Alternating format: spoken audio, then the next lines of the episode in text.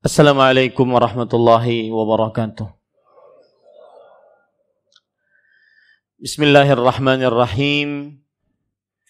Innal hamdalillah nahmaduhu wa nasta'inuhu wa nastaghfiruh wa na'udzu billahi min anfusina wa sayyiati a'malina man yahdihillahu fala mudilla lahu wa man yudlil fala وأشهد أن لا إله إلا الله وحده لا شريك له وأشهد أن محمدا عبده ورسوله.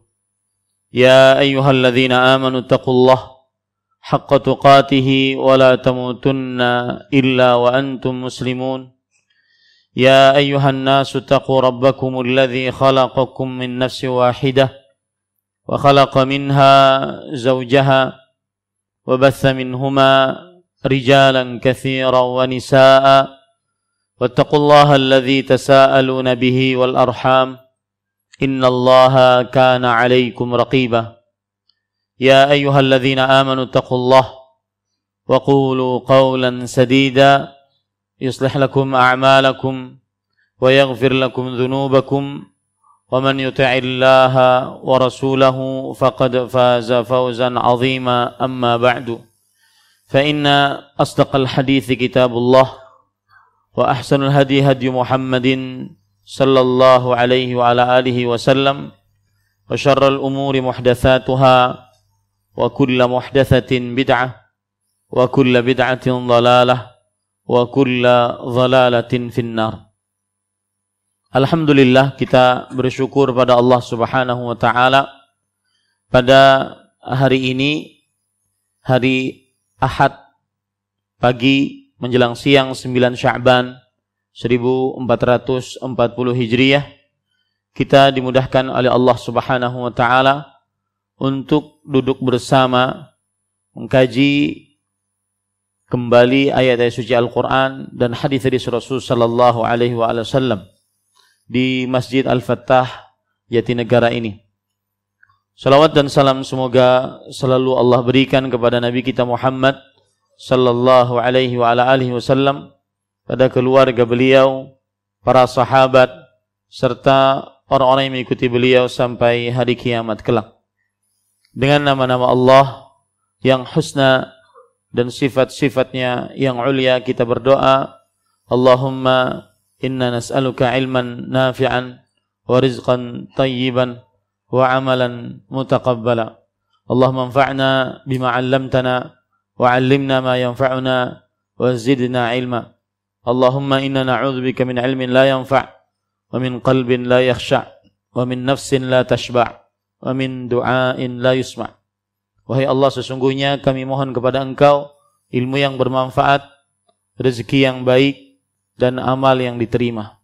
Wahai Allah berikanlah manfaat dari ilmu yang engkau ajarkan kepada kami. Dan ajarkanlah kepada kami ilmu yang bermanfaat. Dan tambahkanlah kepada kami ilmu. Wahai Allah, kami berlindung denganmu dari ilmu yang tidak bermanfaat. Dari hati yang tidak khusyuk. Dari jiwa yang tidak pernah puas. Dan dari doa yang tidak dikabulkan. Allahumma amin. Ahibati hafizakumullahu ta'ala. Tema kita yaitu penyakit hati perusak amal. Pada kesempatan kali ini kita akan berbicara hal-hal yang berkaitan dengan mufsidatul qulub yaitu amalan-amalan atau sifat-sifat penyakit hati dan dengan sifat-sifat tersebut akhirnya merusak amal ibadah seseorang. Sebelumnya sebagai mukaddimah saya ingin sampaikan bahwasanya Rasulullah sallallahu alaihi wasallam sudah menjelaskan bagaimana pentingnya hati. Hati jika baik maka seluruh amal perbuatan akan baik. Hati jika rusak maka seluruh amal perbuatan akan rusak. Hal ini berdasarkan hadis riwayat Imam Bukhari dari An-Nu'man bin Bashir radhiyallahu anhu Beliau bercerita sami'tu Rasulullah sallallahu alaihi wa alihi wasallam yaqul Aku telah mendengar Rasulullah sallallahu alaihi wasallam bersabda Al halalu bayyin والحرام بين وبينهما أمور مشتبهات لا يعلمهن كثير من الناس فمن اتقى الشبهات فقد استبرأ لدينه وعرضه ومن وقع في الشبهات كراعي يرعى حول الحمى يوشك أن يواقعه. ألا وإن لكل ملك حمى. ألا إن حمى الله في أرضه محارمه. ألا وإن في الجسد مضغة. إذا صلحت صلح الجسد كله. وإذا فسدت فسد الجسد كله. ألا وهي القلب. Rasulullah Shallallahu Alaihi Wasallam bersabda, sesuatu yang halal jelas dan sesuatu yang haram jelas. Di antara keduanya terdapat perkara-perkara yang samar-samar, tidak mengetahui perkara tersebut kebanyakan dari manusia. Maka barang siapa yang menjauhi dirinya menjauhi perkara-perkara syubhat maka sungguh ia telah menyelamatkan agama dan kehormatannya. Dan barang siapa yang terperosok ke dalam perkara syubhat yang samar-samar seperti seorang penggembala yang menggembalakan sapinya di sekitar batasan-batasan yang terlarang maka dikhawatirkan dia akan masuk ke dalam batasan-batasan tersebut. Ketahuilah, sesungguhnya setiap raja memiliki batasan-batasan. Dan ketahuilah, sesungguhnya batasan-batasan Allah di buminya adalah hal-hal yang diharamkannya. Ketahuilah, sesungguhnya di dalam jasad terdapat sepotong daging. Jika daging tersebut baik, maka seluruh amal perbuatannya akan baik. Jika daging tersebut buruk, maka seluruh amal perbuatannya akan buruk. Ketahuilah bahwa daging tersebut dinamakan al-qalbu, hati. Ahibati hafizakumullah taala, hadis ini memberikan pelajaran kepada kita pentingnya membersihkan hati dari penyakit-penyakit hati. Karena jika hati rusak, maka seluruh amal ibadahnya rusak. Tetapi sebaliknya, jika hatinya baik, bersih, maka seluruh amal ibadahnya menjadi baik dan bersih.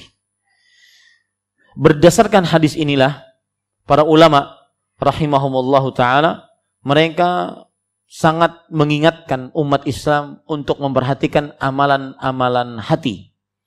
Di antaranya yaitu perkataan Imam Ibnu Qayyim Al-Jauziyah rahimahullah tentang pentingnya amalan hati. Beliau mengatakan, "A'malul qulubi hiyal asl."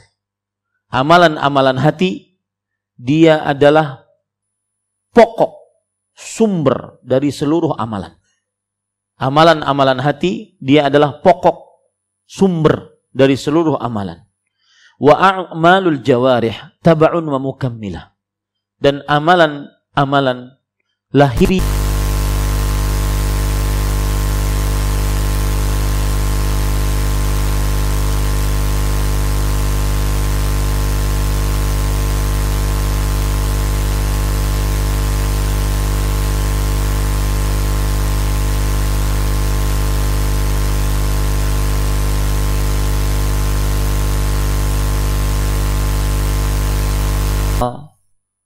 mengetahui hak hukum-hukum yang berkaitan dengan hati, amalan-amalan berkaitan dengan hati lebih penting dibandingkan mengenal hukum-hukum yang berkaitan dengan anggota tubuh. Anggota tubuh seorang sholat, seorang puasa, seorang zakat, seorang haji, anggota tubuh, seorang baca Quran, anggota tubuh itu, amalan anggota tubuh. Mengenal amalan-amalan hati seperti syukur, rasa harap ar-raja, rasa takut al-khauf, rasa takut dalam keadaan sendirian al-khasyah, rasa cinta, kemudian tawakal, ini lebih agung, lebih penting untuk dikenal, dipelajari, diketahui dibandingkan amalan-amalan lahiriah. Kenapa? Karena amalan hati inilah pokok sumber dari amalan lahiriah. Tidak akan tercipta amalan lahiriah tanpa ada amalan hati. Gak akan bisa. Seorang kita sebentar lagi puasa. Seseorang tidak akan berpuasa dengan baik dan benar karena iman dan berharap pahala kecuali karena ada amalan hati. Padahal dia di dalam kamar bisa saja dia makan, minum, kemudian keluar pura-pura bas, pura-pura kering bibirnya. Bisa. Tetapi kenapa dia ketika berwudu saat berpuasa tidak mau meneteskan sedikit pun ke dalam tenggorokannya air. Padahal dia bisa, tidak ada yang mengetahuinya. Karena itu amalan hati. Amalan hati yaitu rasa takut. Dan rasa harap. Bertakut akan siksa Allah karena batal puasa di siang hari bulan Ramadan tanpa alasan syar'i. Dan yang kedua, rasa harap, berharap pahala dari Allah subhanahu wa ta'ala. Jadi ini poin penting bahwa amalan hati dia adalah sumber pokok dari amalan lahiriah. Amalan hati lebih penting, lebih agung dibandingkan amalan lahiriah. Ya, dibandingkan amalan lahiriah.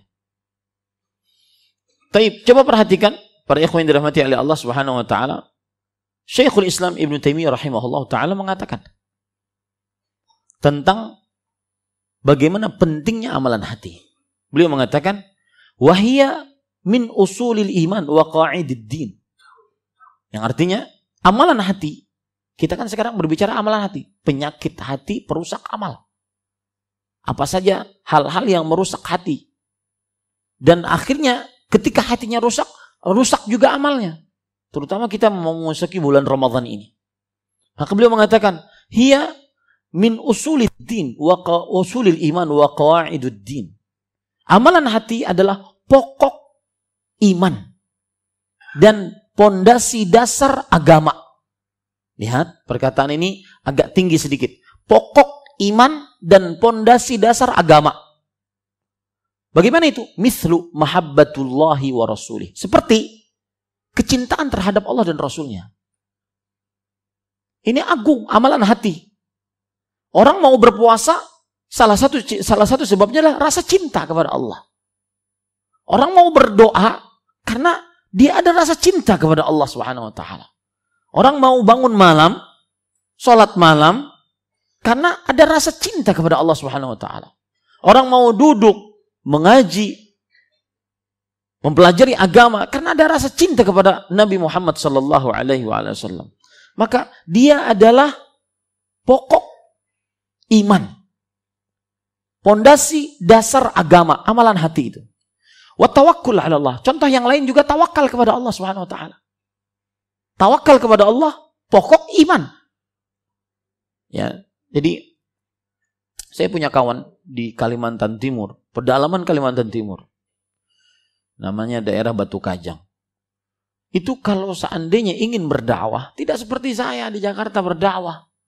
Naik turun mobil dan sebagainya. Guys ya.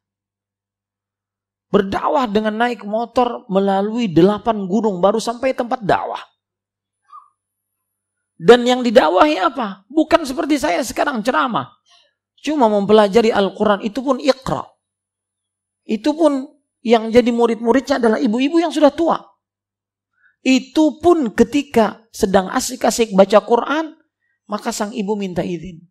Ustadz, mohon maaf, saya ada pelanggan. Ternyata yang diajari wanita-wanita pekerja seks komersial. Apa yang bisa menjadikan kita semangat untuk tinggal di situ, berdakwah ke situ? Tidak ada lain kecuali mahabbatullah, rasa cinta kepada Allah. Rasa tawakal kepada Allah Subhanahu wa taala. Masuk keluar, masuk hutan keluar hutan apalagi kalau seandainya sudah jalannya becek karena tanahnya tanah liat merah. Kalau sudah kena hujan sangat becek. Apa yang bisa menyebabkan istiqamah? Tawakal kepada Allah. Amalan hati. Ini pentingnya amalan hati. Ya. Seorang bersedekah saat di dalam kantongnya cuma ada 10 ribu itu pun untuk makan siang. Tapi ketika ada orang di depannya ingin minta-minta, dia melihat sangat kasihan. Apa yang menyebabkan dia berani memberikan itu 10 ribu yang mana mungkin siang dia tidak makan. Apa yang menyebabkan itu? Ikhlas ad-din lillah. Ikhlas karena Allah Subhanahu wa taala. Yakin kepada kekuatan kekuasaan Allah Subhanahu wa taala. Ini pentingnya amalan hati. Makanya Syekhul Islam mengatakan, "Hiya min usulil iman." Dia pokok iman. Amalan hati itu pokok iman. Wa qawaiduddin dan pondasi agama. Seperti rasa cinta kepada Allah dan Rasulnya. Rasa tawakal kepada Allah. Ikhlas menjalankan agama. Bersyukur atas pemberian Allah. Sabar atas keputusan Allah. Takut dari siksa Allah. Ar-raja berharap atas pahala Allah Subhanahu wa taala. Hadhil a'mal eh, amalan-amalan semuanya ini rasa cinta, tawakal, ikhlas, syukur, sabar, rasa takut, rasa harap, amalan-amalan semuanya jami'uha wajibatun ala jami'il khalq bittifaqi a'immatiddin. Wajib harus ada di dalam hati setiap makhluk Allah dengan kesepakatan para ulama maka amalan hati itu lebih agung dibandingkan amalan lahiriah. Contoh misalkan lagi, bagaimana agungnya amalan hati.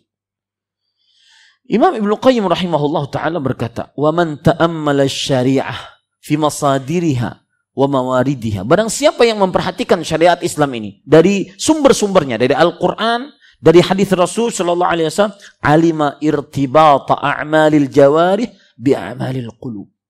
Maka sungguh ia akan mengetahui bagaimana ada hubungan erat antara amalan lahiriah dengan amalan hati.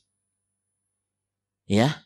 Antara amalan lahiriah dengan amalan antara semangat ibadah dengan bagusnya hati. Ada hubungan antara rasa malas, sifat malas seperti orang munafik dengan ada riak di dalam hatinya. Ada hubungan. Siapa yang memperhatikan syariat Islam dari sumber-sumbernya, pasti dia akan mengetahui bahwa ada hubungan antara amalan lahiriah dengan amalan hati. Wa annaha la tanfa'. Amalan lahiriah tidak manfaat tanpa amalan hati. Enggak manfaat. Saya beri contoh ya. Orang-orang munafik Allah Subhanahu wa taala berfirman di dalam surah An-Nisa. Innal munafiqina yukhadi'una Allah wa huwa khadi'uhum wa idza qamu ila shalah qamu kusala. Yura'una an-nas wa la yadhkuruna Allah illa qalila. Sesungguhnya orang-orang munafik menipu Allah Subhanahu wa taala dan Allah membalas tipuan mereka dan mereka bangun mereka jika bangun dal untuk mendirikan sholat bangun dalam keadaan malas. Kenapa malas? Ini kan amalan lahiriah. Malas. Ya. Seperti sholat isya dan sholat subuh. Malas. Dalam hadis riwayat Imam Bukhari Rasulullah sallallahu alaihi wasallam bersabda, "Athqalus salawat 'alal munafiqin salatul fajri wa salatul atama." Salat yang paling berat, yang paling malas dilakukan oleh orang-orang munafik adalah salat subuh dan salat isya. Kenapa malas? Yura'unan nas karena mereka riak terhadap manusia. Lihat, ada hubungan antara amalan lahiriah dengan amalan hati. Sifat malas amalan lahiriah. Ria amalan hati.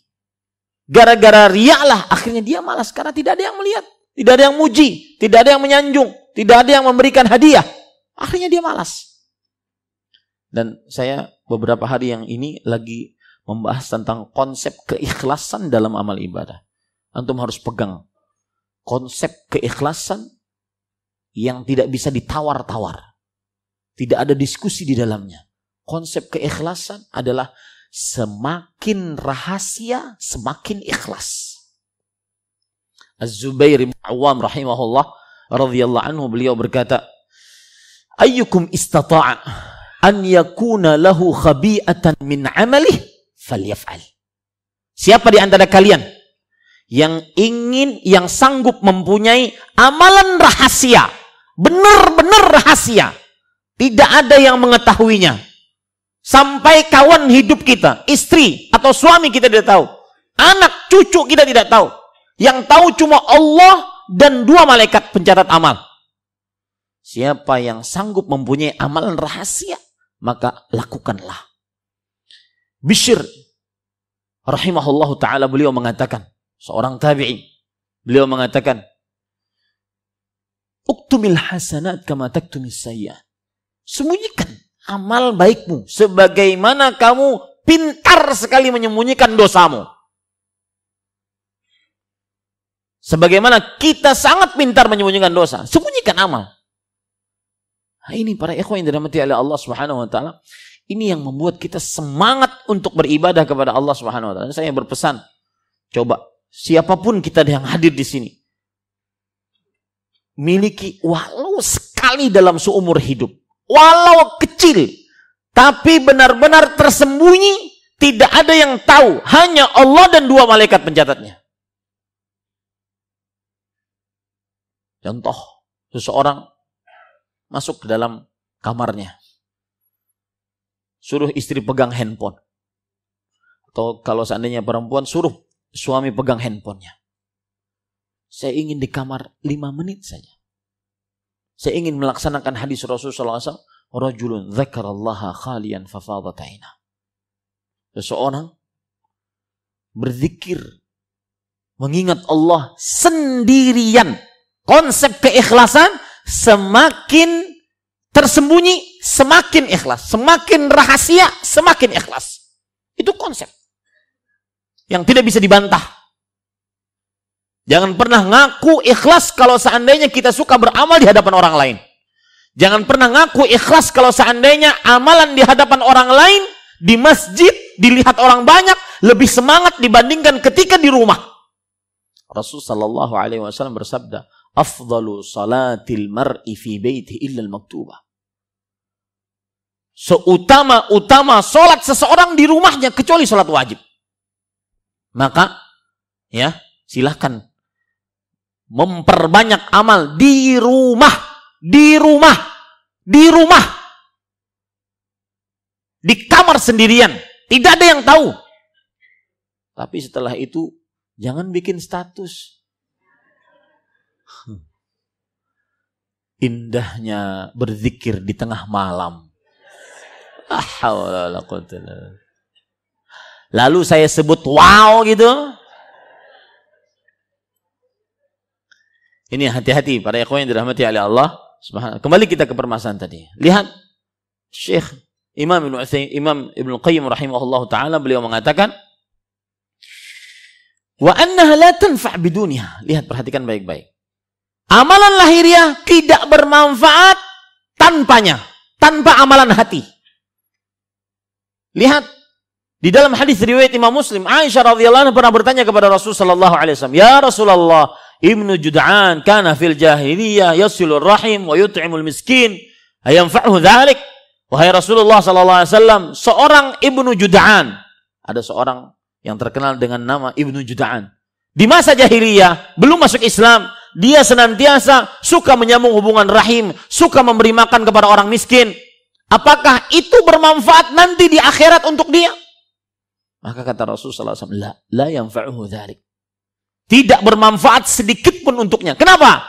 Karena meskipun amalan lahiriahnya oke, okay, kuat, besar, banyak, banyak keringat yang tercurah, banyak darah yang tertetes, banyak uang yang sudah keluar, tetapi kosong dari amalan hati. Apa kata Rasulullah SAW? Li'annahu lan lam yakul yawma idhin rabbighfirli khati'ati yawmaddin. Karena beliau, ia belum pernah berdoa kepada Allah. Wahai Allah, ampuni dosa-dosaku. Sama sekali. Artinya dia tidak beriman kepada Allah. Iman amalan hati Sebesar apa pun amalan lahiriah seseorang, ketika dia ria, tidak akan diterima oleh Allah. La tanfa' biduniha. Tidak bermanfaat amalan lahiriah tanpa amalan hati. Rasulullah SAW bersabda dalam hadis riwayat Imam Muslim, "Ana aghna syuraka'i 'ani syirk man 'amila 'amalan asyraka fihi ma'ya ghairi taraktuhu wa syirkah." Aku zat yang sangat tidak membutuhkan sekutu. Barang siapa yang beramal ia menyekutukanku di dalamnya, aku tinggalkan dia dan sekutunya dan dan amalannya tidak akan diterima oleh Allah Subhanahu wa taala. Kemudian Imam Al-Qayyim rahimahullah mengatakan, "Wa anna a'malal qulub afradhu 'ala al-'abdi min a'malil jawarih." Dan amalan-amalan hati lebih wajib dibandingkan amalan lahiriah. Kemudian beliau mengatakan perkataan indah, "Wahal yumayyizul mu'min 'anil munafiq illa bima fi qalbi kulli wahidin minal a'mal allati mayyazat anhuma?" Bukankah seorang mukmin dibedakan dengan orang munafik? Tidak ada yang bisa membedakannya kecuali hanya amalan hati yang membeda yang membeda yang ada di dalam diri di antara keduanya. Ini mukmin, ini munafik. Dua-duanya bersyahadat, dua-duanya sholat, dua-duanya zakat, dua-duanya jihad. Tapi disebut oleh Allah, ini mukmin, ini munafik. Apa yang bisa membedakannya? Amalan hati. Ya. Maka kemudian beliau mengatakan, wa ubudiyatul qalbi a'zamu min ubudiyatil jawarih beribadah hati lebih agung dibandingkan beribadah beribadah lahiriah. Wa aktsar wa adwam, lebih banyak, lebih terus menerus dibandingkan misalkan begini, orang sholat kan cuma lima waktu. Puasa cuma pada bulan Ramadan, berhaji cuma satu tahun sekali. Tetapi amalan hati terus menerus. Setiap waktu tidak pernah boleh lepas. Fahiyya wajibatun fi kulli waqt. Maka dia wajib di setiap um, di setiap waktu. Nah, makanya kita pada kesempatan kali ini mengangkat tema penyakit hati perusak amal. Itu tadi mukaddimah. Agar antum semangat dengar kajian saya. ya, ya setengah jam mukaddimah lah ya nggak apa-apa kan. Taib.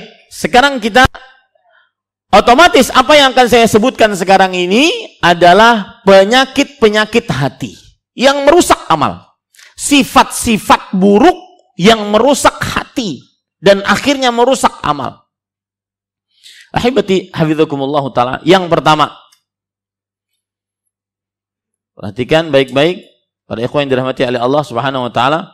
Yang pertama, sifat perusak hati, perusak penyakit hati perusak amal yaitu sifat yang disebut dengan at-taraf. Bahasa Arabnya at-taraf alif lam ta ra fa. At-taraf. At-taraf secara bahasa para ikhwan yang dirahmati oleh Allah adalah at-tausi'ah fin ni'mah. Meluaskan di dalam nikmat. Terlalu berluas-luas di dalam nikmat. Allah Subhanahu wa taala berfirman di dalam surat Al-Mu'minun ayat 33. Wa atrafnahum fil hayati dunya.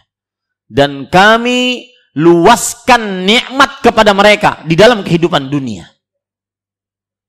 Jadi arti at-taraf secara bahasa adalah yaitu at-tawsi' at-tawassu' fin ni'mah berluas-luas di dalam nikmat. Adapun arti at-taraf secara istilah syariat maksudnya adalah mujawazatu haddil i'tidal bi ni'mah wal ikthar minan ni'amil jalibah lirrafahiyah. Artinya taraf secara istilah syariat adalah berlebihan dari batas kewajaran dalam nikmat dan memperbanyak nikmat sehingga bermewah-mewah. Intinya taraf adalah bermewah-mewah dalam dunia. Melampaui batas kesederhanaan. Eh, Anda mau pergi dulu ya? Ke mana? Singapura. Ngapain? Makan nasi goreng. Singapura, nasi goreng dong Singapura. La haula wala illa billah. Ya. Nih, Bapak Ibu. Saya pernah ke Batam, habis itu dari Batam panitia bawa saya ke Singapura. Kemudian panitia cerita, Ustadz, Ibu-ibu dari Jakarta banyak yang ke Batam Ustaz. Habis itu dia nyebrang ke Singapura. Ngapain ke sini? Ke Singapura. Beli tas. Emang di Jakarta nggak ada tas branded? Ada Ustaz. Cuma kan lebih heboh gitu dari Singapura. Emang berapa harganya? 70 juta Ustaz. Oh Masya Allah 70 juta. Tas. Saya pernah diceritakan oleh akhi fillah, saudara saya karena Allah. Uh, Abu Abdul Muhsin Al Ustadz Al Fadil Dr. Firanda Andija Hafizahullah Ta'ala Din anak di Eropa ditawarin orang. Tas. Berapa harganya? Satu setengah miliar. Lalu antum ambil nggak? Nggak mau anak anak mau ambil. Anak bilang ke panitianya saya mau ngambil pak. Asalkan itu tas harga satu setengah miliar bisa muat rumah mobil saya mau ngambil. Eh, subhanallah. Tas satu setengah miliar. Ini ahibati hafidhakumullah ta'ala. Itu namanya at-taraf. Ini merusak hati. Dan akhirnya merusak amal. Ahibati hafidhakumullah ta'ala. Lihat bagaimana Al-Quran mencela sikap at-taraf. Di dalam surat Hud ayat 116. Disebutkan bahwasanya sifat At-taraf hanya dimiliki oleh orang-orang yang zalim dan kafir. Zalim dan kafir sangat identik dengan sikap at-taraf, sifat at-taraf. Terlalu berlebih-lebihan, bermewah-mewahan. Allah Subhanahu wa taala berfirman, "Wattaba'al ladzina zalamu ma utrifu fih wa kanu mujrimin." Dan Orang-orang yang zalim mengikuti apa yang dimewahkan di dalamnya dan mereka orang-orang yang melampaui batas kufur terhadap Allah Subhanahu wa taala. Sifat sangat identik orang zalim yang kafir adalah taraf, bermewah-mewahan dalam perkara dunia. Ada sebagian orang para ikhwan yang dirahmati oleh Allah Subhanahu wa taala terlalu berlebih-lebihan di dalam perkara dunia. Dari ujung rambut sampai ujung kaki kadang-kadang miliaran. Dan itu lagi rame tuh. Termasuk di dalamnya, nih perhatikan, yang bikin iklan-iklan online, ya, jual beli online, pengusaha-pengusaha online. Anda ingin seperti saya? Kemudian disediakan 36 juta per hari. Ini taraf. Sikap at-taraf. Ini para ikhwan yang dirahmati oleh Allah Subhanahu wa taala. Itu yang pertama. Al-Quran menjelaskan bahwa sifat at-taraf hanya dimiliki oleh orang-orang kafir yang zalim. Jadi sudah kafir zalim lagi. Ya. Kemudian yang kedua, Al-Quran mencela sikap at-taraf bahwasanya sikap at-taraf adalah penyebab terbesar mendapatkan siksa di akhirat. Sifat at-taraf penyebab terbesar mendapatkan siksa di akhirat.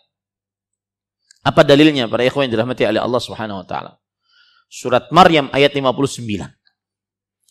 Allah Subhanahu wa taala berfirman, "Fakhalafa min ba'dihim khalfun adha'u salata wattaba'u syahawat fasawfa yalqawna ghayya." Maka akan menggantikan setelah mereka para penerus yang buruk. Siapa penerus yang buruk ini? Bagaimana sifatnya penerus buruk ini?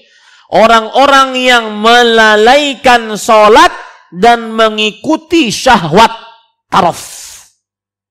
Melalaikan sholat, mengikuti syahwat. Dan dua sifat, dua perbuatan ini tidak pernah lepas. Lihat, kita introspeksi diri kita masing-masing. Yang sedang melalaikan sholat, pasti sedang menguntiti syahwat. Mohon ibu-ibu dengarkan suara ibu-ibu kedengeran. Ya. Pasti yang sedang melalaikan sholat, misalkan dia sholat berjamaah juga, tapi masbuk paling terakhir. Itu kapan tuh masbuk paling terakhir? Pas kapan datangnya? Sebelum salam. Pengalaman ya? Sebelum salam ya datang itu pasti sedang mengikuti syahwat imma harta tahta wanita yang dia sedang urus Sehingga dia terlambat lalai dalam sholatnya. Itu sudah tidak bisa dibantah. Al-Quran berbicara seperti itu. Maka pada ikhwan yang dirahmati Allah. Orang seperti ini bagaimana? Yang taraf gara-gara dia taraf akhirnya melalaikan sholatnya. Fasawfa yalqawna ghayya. Maka dia akan mereka akan mendapati ghayya. Ya. Gara-gara taraf akhirnya melalaikan sholat maka akan mendapati ghayya. Apa itu ghay? Para ikhwan yang dirahmati oleh Allah Subhanahu wa taala. Disebutkan di dalam tafsir Imam Ibnu Katsir rahimahullahu taala, ghai kata Abdullah bin Abbas khusran yaitu kerugian. Kata Imam Qatadah ghai syar, keburukan. Kata Abdullah bin Mas'ud ghai wadin fi jahannam ba'idul qa'ri khabithut ta'mi. Lembah yang dalam dalam neraka jahanam ya Lembahnya dalam, baunya busuk. Kalau sebuah ruangan semakin dalam, habis oksigen. CO2-nya habis. Ditambah bau busuk itu maka akan sangat mematikan. Itu tafsiran ghay dari Abdullah bin Mas'ud. Tafsiran ghay dari Abu Iyad rahimahullah. Beliau mengatakan ghay wadin fi jahannam min qaih wadam. Ghay adalah lembah dalam neraka jahannam isinya cuma darah penghuni neraka jahanam dan nanah penghuni neraka jahanam. Ini akibat taraf, mengikuti syahwat, bermewah-mewah di dalam hidup. Maka hati-hati para ikhwan yang dirahmati oleh Allah. Ka'ab al-Ahbar rahimahullah, beliau bercerita ketika menafsiri surat Maryam ayat 59 tadi. Kata beliau, "Wallahi Inni la ajidu sifatal munafiqin fi kitabillahi azza wa jal. Perhatikan baik-baik. Cocokkan dalam diri kita. Ada nggak ini? Demi Allah, aku mendapati sifat orang-orang munafik di dalam Al-Quran. Pertama, syarrabina lil kahawat. Suka nongkrong di kafe-kafe. Ngopi. Waktu lama berju, ber, apa namanya, berlalu begitu saja Suka duduk-duduk. Tarrakina salawat. Meninggalkan sholat. La'abina bil ka'abat. Suka main dadu.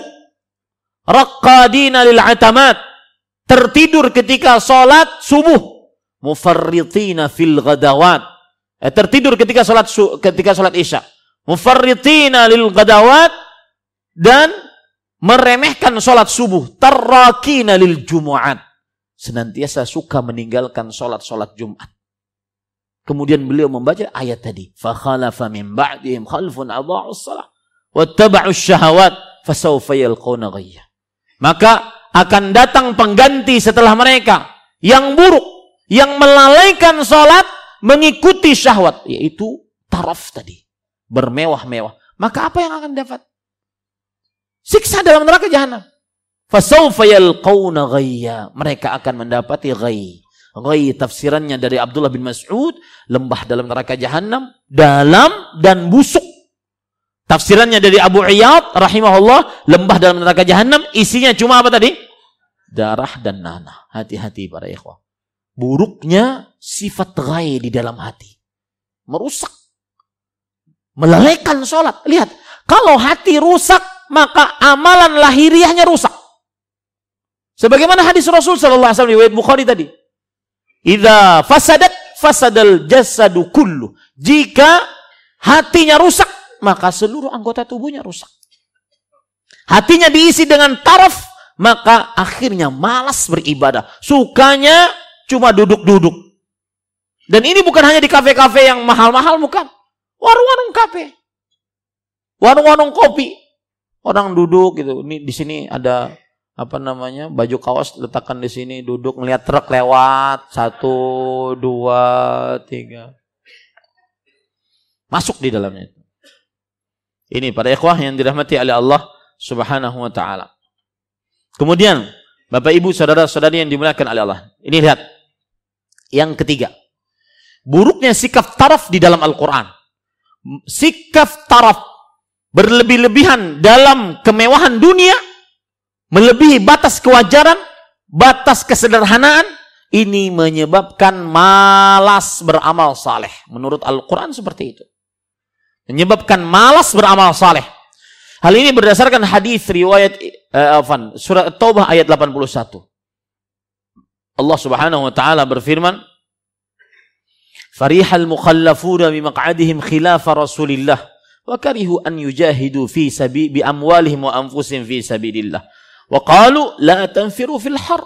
Qul naru jahannam ashaddu harra law kanu yafqahun. Ini ceritanya orang-orang munafik tidak mau ikut perang Uhud. Mereka mengatakan itu musim panas. Mereka sukanya duduk-duduk dengan kekayaan-kekayaan mereka, kemewahan-kemewahan kekayaan mereka. Ini. Makanya Allah menyebutkan, Farihal mukallafun, orang-orang yang tidak mau ikut perang, mereka gembira dengan duduknya mereka di belakang Rasulullah SAW. Rasulullah SAW berjihad, mereka duduk-duduk saja. Dan mereka membenci untuk berjihad dengan harta diri mereka di jalan Allah Subhanahu wa taala. Dan mereka mengatakan, bahkan bukan hanya mereka malas saja, tapi ngajak orang untuk malas. Ini paling bahaya nih. Kalau ente masuk neraka sendirian silahkan. Ini nggak jangan ngajak orang masuk neraka. Ya, makanya sangat tercela sekali para pendakwah yang menyimpang dari ajaran yang benar. Dan itu ada. Itu ada. Rasulullah SAW bersabda, du'atun ala abwabi jahannam. Para pendakwah di depan pintu-pintu neraka jahannam. Man ajabahum qadhafuhu fiha. Siapa yang menerima dakwahannya, maka mereka akan masuk dengan pendakwah tersebut ke dalam neraka jahannam. Jadi jangan heran berdakwah menyimpang. Ini para ikhwan yang dirahmati oleh Allah Subhanahu wa taala. Wa qalu la tanfiru fil har. Kata orang-orang munafik ini, "Ayo sudah sini aja duduk, biarkan dia yang, dia yang berjihad. Kalian gak usah duduk. Ini sedang panas-panasnya." Maka Allah membalas. Kata Allah, "Qul wa Muhammad sallallahu alaihi wasallam, ucapkan, naru jahannam ashaddu harram law kanu yafqahun." Neraka jahannam lebih panas kalau seandainya mereka mengetahuinya. Pelajaran dari ayat ini menunjukkan bahwasanya orang yang sibuk dengan kemewahan dunia malas berjihad, malas beramal. Ini pelajarannya para ikhwah yang dirahmati oleh Allah Subhanahu wa taala. Kemudian pelajaran selanjutnya ataupun celaan Al-Qur'an selanjutnya yang keempat terhadap sifat at-taraf. Bermewah-mewah dalam perkara dunia. Melebihi batas kesederhanaan kewajaran. Ustaz, sebelumnya saya ingin mengingatkan. Boleh orang berpakaian bagus, boleh. Tidak terlarang. Karena asal hukum pakaian mubah. Rasulullah SAW bersabda, Kulu washrabu walbasu min ghairi salafin wala makila. Makanlah, minumlah, berpakaianlah. Maksudnya silahkan makan apa saja, minum apa saja, berpakaian apa saja. Tapi dua syaratnya. Tidak boleh terlalu melampaui batas yang menyebabkan kesombongan. Dua syaratnya. Tidak terlalu melampaui batas dan menyebabkan kesombongan. Jadi tidak tercela orang memakai pakaian bagus, apalagi kalau seandainya mau mengajar sebagaimana yang dilakukan oleh Imam Malik, Imam Bukhari, Berpakaian bagus tidak tercela. Seorang sahabat pernah bertanya kepada Rasul sallallahu alaihi wasallam, "Ya Rasul, Rasulullah sallallahu alaihi wasallam bersabda, "Innallaha jamilun yuhibbul jamal." Sesungguhnya Allah Subhanahu wa taala menyukai yang bagus. Allah Maha bagus dan menyukai yang bagus. Kemudian Rasulullah sallallahu alaihi wasallam ditanya, "Inna ahadana yuhibbu an yakuna thawbuhu hasanan wa na'luhu hasanatan. Wahai Rasulullah, bagaimana kalau seandainya kita pakai pakaian yang bagus, sendal yang bagus? Apakah itu termasuk kesombongan? Kata Rasulullah SAW, Al-kibru batarul haq wa ghamtun nas. Kesombongan adalah meremehkan manusia dan menolak kebenaran. Jadi tidak mengapa seseorang memakai pakaian yang bagus. Ya, asalkan tadi tidak melampaui batas kesederhanaan ataupun tidak melampaui batas e, kewajaran. Yang keempat,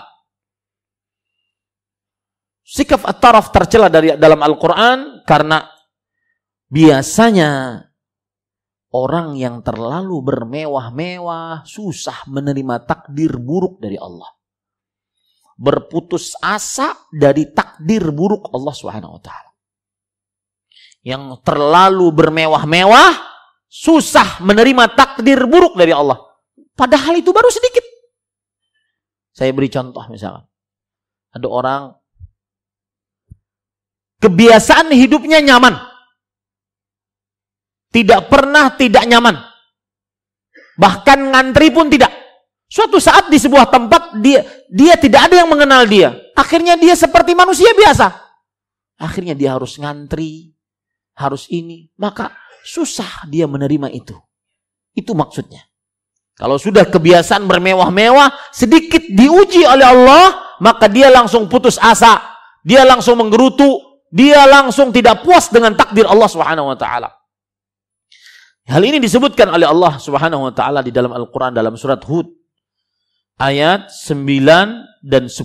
Allah Subhanahu wa taala berfirman, "Wala in adzaqnal insana na'ma'a ba'da massathu la yaqulanna dhahaba sayyi'atu anni innahu la farihun fakhur."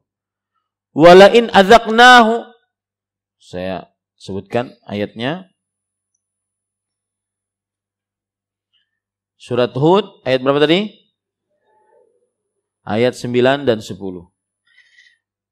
Allah Subhanahu wa taala berfirman, perhatikan, "Wala in adzaqnal insana minna rahmah, thumma naza'naha minhu innahu layausun kafur." Jika kami rasakan kepada manusia sebuah nikmat, harta, kenyamanan hidup, semuanya ada, tinggal buka kulkas, tinggal ini tidak pernah kepanasan, tinggal perintah, pokoknya nyaman. Ketika nyaman tersebut, kami rasakan kepada manusia suatu rahmat. Lalu kami cabut sedikit saja dari nikmatnya. Misalkan dia sakit, atau kukunya terjepit, atau apa pun, sedikit saja. Ya, misalkan dia ngantri, kepanasan sedikit, uh, ataupun ketika di mobil macet, saya sering memperhatikan nih, yang sering-sering antar saya. Biasanya tuh kalau sudah macet, oh mulai keluar mulutnya. Wah, kampret nih. Nanti ada lagi, ah cebong nih, ah pokoknya mulutnya kotor sudah. Kalau sudah mulai macet tuh ada sebagian supir tuh mulutnya kotor. Ya, ini hati-hati para ikhwan yang dirahmati oleh Allah. Nah, ada orang-orang yang di, dibiasakan mewah, akhirnya ketika dicabut sedikit nikmatnya, langsung apa yang terjadi? Innahu la usung kafur. Sesungguhnya dia putus asa dan tidak berterima kasih terhadap Allah Subhanahu wa taala. Itu kebiasaan manusia. Membuat orang kalau sudah bermewah-mewah susah menerima takdir yang buruk dari Allah padahal cuma sedikit. Saya tadi pagi di Puricenera saya katakan, Siapa saja yang mempunyai yang mendapatkan musibah di dunia ini agar dia merasa musibah dia ringan, maka silahkan lihat musibah Rasulullah sallallahu alaihi wasallam. Maka tidak akan pernah ada musibah yang lebih besar yang pernah didapati oleh Rasul oleh manusia kecuali Rasulullah sallallahu alaihi wasallam.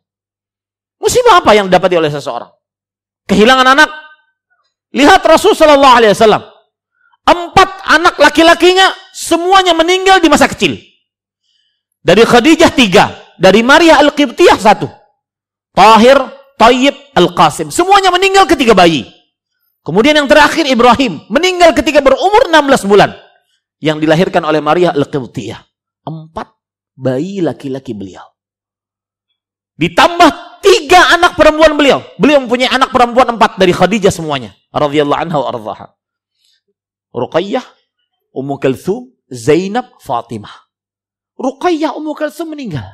Dalam keadaan lagi merekah-merekahnya, lagi suka-sukanya orang tua melihat.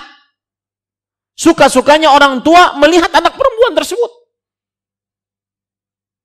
Meninggal dalam keadaan umur 20-an. Ruqayyah Ummu Kalthum. Kemudian disusul dengan Zainab.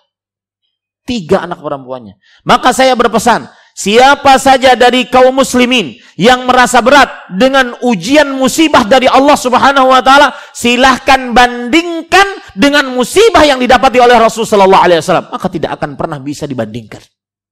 Maka pada saat itu seseorang akan menjadi pelipur lara. Oh, ternyata sedikit.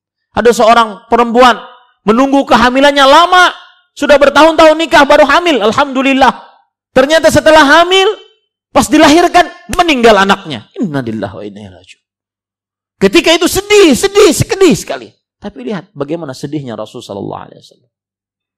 Nah, ini pada ikhwan yang dirahmati oleh Allah Subhanahu wa taala. Sikap taraf membuat seseorang susah menerima takdir buruk yang Allah tetapkan 50 ribu tahun sebelum penciptaan langit dan bumi. Ini buruknya sikap taraf yang keempat berdasarkan dari Al-Qur'an dan hadis Rasul sallallahu alaihi wa ala alihi wasallam. Para ikhwan yang dirahmati oleh Allah Subhanahu wa taala, yang kelima, sikap taraf adalah penyakit hati perusak amal. Salah satu celaan Al-Quran terhadap sikap at-taraf adalah sikap at-taraf mengurangi nikmat akhirat. Semakin mewah, semakin berkurang nikmat akhirat. Ada sebagian orang kadang-kadang saking ingin mewahnya, Beli kasur yang kalau dia duduk di pojokan itu mental. La haula wala illa billah. Atau kalau dia tidur di kasur tersebut kelelep dia. Ya, manusia kadang-kadang aneh-aneh kalau sudah terlalu mewah. Ya. Kadang-kadang semuanya ingin emas. Semuanya ingin emas bajunya emas, kemudian oh pokoknya ingin semuanya emas. Kalau bisa mohon maaf, tahinya emas.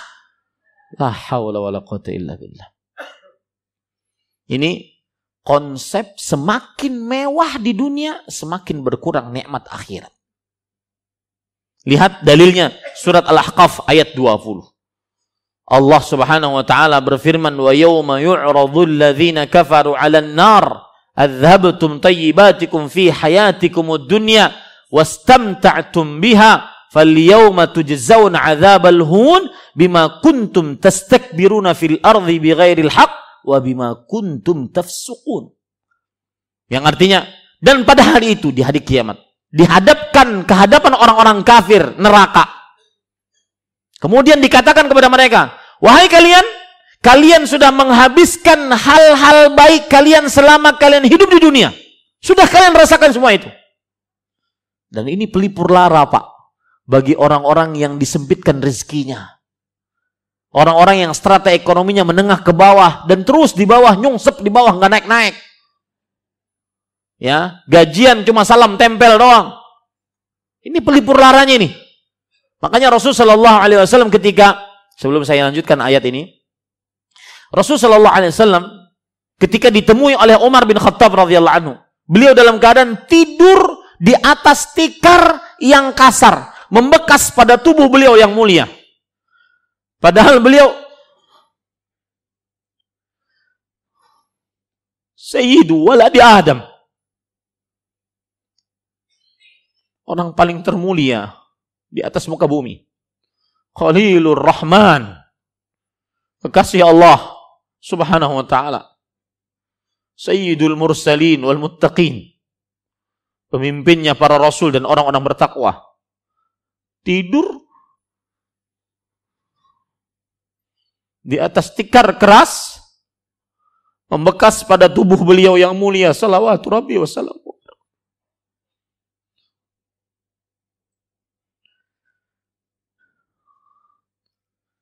Mudah-mudahan kita bertemu dengan Nabi kita Muhammad SAW. Umar bin Khattab radhiyallahu anhu menemui beliau dan menangis.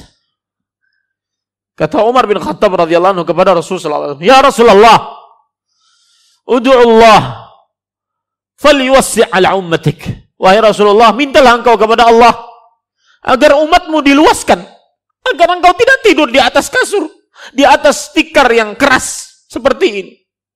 Fa inna Faris wa la ya'budun Allah. Ma hum ala ni'mah. Sesungguhnya orang-orang Persia dan Romawi mereka di atas nikmat. Padahal mereka tidak beriman kepada Allah Subhanahu wa taala. Apa kata jawab Rasulullah SAW? Apa jawab Rasulullah SAW? Lihat orang-orang yang disempitkan rezekinya. Oh, lihat orang-orang yang mungkin menangis ketika ingin makan tidak ada yang dimakan. Lihat orang-orang miskin. Perhatikan, dengarkan ini. Pelipur lala dari Rasulmu Sallallahu Alaihi Wasallam. Atarza an yakuna lahum dunya wa al-akhirah. Wahai Umar, mau nggak engkau? Biarkan mereka menikmati dunianya. Adhabtum tayyibatikum fi hayatikum dunia. Kalian habiskan hal-hal baik kalian selama kalian hidup di dunia. Wastamta'tum biha. Kalian sudah merasakannya. Maukah engkau? Biarkan mereka memiliki dunia. Walanal akhirah. Kita yang memiliki akhirat. Dunia cuma 60-70 tahun. Setelah itu mati. Setelah itu menjadi tulang ekor. Setelah itu yang mengisi mulut kita hanya turab. Rasulullah SAW bersabda, "Wala yamla'u jawfa ibni Adam illa turab." Tidak ada yang mengisi an mulut manusia kecuali tanah nantinya. Sekaya apa pun manusianya. Lanal akhirah ya Umar. Kita menginginkan kehidupan akhirat. Kekal, abadi, sempurna nikmatnya. Tidak pernah terputus. Ini ahibati hafizakumullah ta'ala. Maka Allah berfirman, hati-hati. Disebutkan di dalam tafsir Imam Ibnu Katsir, Abu Mijlaz berkata rahimahullah, la yafqidanna aqwamun hasanatin kanat lahum fid dunya. Fayuqalu lahum adhabtum tayyibatikum fi hayatikum ad-dunya wastamta'tum biha. Sungguh nanti di akhirat akan ada orang-orang yang kehilangan kenikmatannya sebagaimana dia mendapatkannya di dunia. Lalu mereka bertanya, mana kenikmatan kami ketika kami hidup di dunia? Maka akan dijawab kepada mereka, kalian sudah menghabiskan hal-hal baik tersebut, nikmat-nikmat baik tersebut ketika kalian sudah di, ketika kalian hidup di dunia. Kalian sudah rasakan itu. Semakin banyak mendapatkan kenikmatan, semakin berkurang nikmat di akhirat. Ada perkataan menarik disebutkan perkataan ini di dalam kitab tafsir Imam Ibnu Jarir At-Tabari. Perhatikan, ingat perkataan ini. Kalau kita ingin, kalau kita terlalu bermewah-mewah, atau terlalu berangan-angan, bermewah-mewah, atau terlalu sedih dengan keadaan kemiskinan kita, maka lihat, perhatikan perkataan ini. Karena kan ada sebagian orang mau makan harus ke mana gitu. Padahal macet jalan situ yang penting makan di situ. Padahal di samping rumahnya ada makanan.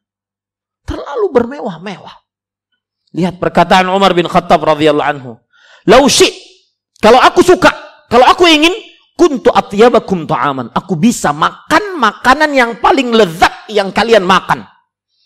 Wa aliyanakum libasan dan memakai pakaian yang paling lembut kainnya dari kalian. Aku bilang, aku sanggup, aku bisa. Walakinni astabqi li akhirati. Walakinni astabqi tayyibati. Akan tetapi, aku ingin menyiksa, menyisakan itu di akhirat. Aku ingin, menyisakan itu di akhirat.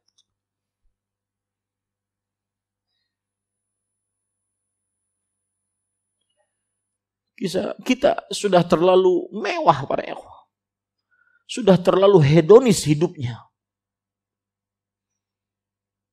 Maka ini pelipur lara. Dari dua sisi. Dari orang-orang yang mungkin terlalu bermewah-mewah ataupun dari orang yang disempitkan rezekinya oleh Allah. Ingat perkataan Umar tadi. Walakin astabqi tayyibati. Tetapi aku ingin menyisakan hal-hal baikku nanti di akhirat. Yang kekal abadi, sempurna nikmatnya tanpa terputus, tidak pernah terhalang. Sedangkan dunia, sifat dunia cuma empat. Kul mata'ud dunia qalil. Sedikit. Sekaya apa pun manusia, dibandingkan nikmat akhirat, dia sedikit. Satu. Yang kedua, dia tidak sempurna. Tidak ada di dunia yang sempurna. Wa innama tuwaffawna ujurakum yaumal qiyamah. Sesungguhnya pahala kalian akan diberikan secara sempurna nanti pada hari kiamat. Secantik apa pun perempuan, menang kontes apa pun di dunia tidak akan pernah sama dengan perempuan di akhirat. Baik itu perempuan dari manusia ataupun perempuan dari dari bidadari. Tidak akan pernah sama. Ya. Dia sempurna kecantikannya, keindahannya. Yang ketiga, tadi sedikit, kemudian tidak sempurna, kemudian cepat rusak. Mana ada di dunia yang tidak cepat rusak? Rasulullah SAW bersabda, Innal iman la yakhlaq kama yakhlaqu thawb. Sesungguhnya iman benar-benar bisa rusak sebagaimana pakaian sering rusak. Begitulah dunia, sering rusak. Apa saja? Apa saja? Mau alat transportasi, alat komunikasi, tempat tinggal, cepat rusak. Pakaian, cepat rusak. Istri, cepat rusak.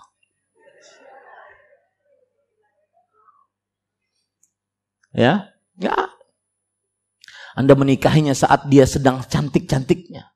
Saat dia sedang merekah ranum-ranumnya. Sesudah beberapa tahun. Oh, ternyata begitu. Nggak ada. Di dunia tidak ada yang tidak cepat rusak. Yang keempat, sifat dunia sedikit, tidak sempurna, cepat rusak, dan sulit didapat. Itu sifat dunia. Ingin makan, minum es kelapa muda harus manjat. Antum kan nggak mikir. Antum tinggal beli. Coba nanti di bulan Ramadan, Asosiasi Penjual Es Kelapa Muda mengatakan kami resign dari pekerjaan kami. Kami ingin puasa Ramadan dengan sebaik-baiknya. Yang kaum muslimin yang ingin berpuasa dengan es degan, kelapa muda, silahkan manjat sendiri sana. Susah. Perempuan susah didapat. Saya saja harus mengarungi lautan untuk mendapatkan maihani. Istriku tercinta. Ya, mengarungi itu itu juga alhamdulillah diterima. Coba ditolak. Ada seorang pemuda pernah berkata kepada saya, Ustaz, tolong nasihati saya. Hati saya sedang sedih. Kenapa? Tadi malam saya lamarannya ditolak. Saya katakan, wahai saudaraku bersabar. Itu sudah 50 ribu tahun sebelum penciptaan langit dan bumi Allah takdirkan. Berusaha lagi, cari yang lain. Dan berdoa. Itu tiga pesan saya. Lalu saya diam. Lalu dia bilang, gitu aja nasihatnya? Ustaz tidak tahu bagaimana sakit hati ini Ustaz. Ditolak, apa kurangnya saya subhanallah. Dan ini Ustaz harus tahu, ini penolakan yang ke-21 kalinya.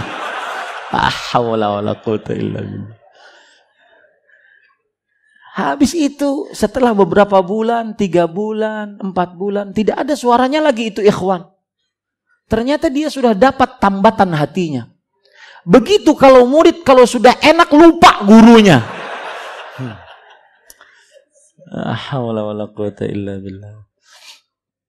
Taib. Ahibati hafizakumullah taala itu sifat buruk hati, perusak hati yang pertama. Ya, at-taraf tadi. Sekarang kita masuk kepada sifat yang kedua. Para ikhwan yang dirahmati oleh Allah Subhanahu wa taala. Sifat buruk. Perusak hati eh, penyakit hati perusak amal. Sifat buruk penyakit hati perusak amal. Yang kedua adalah syahwat. Syahwat yang diharamkan.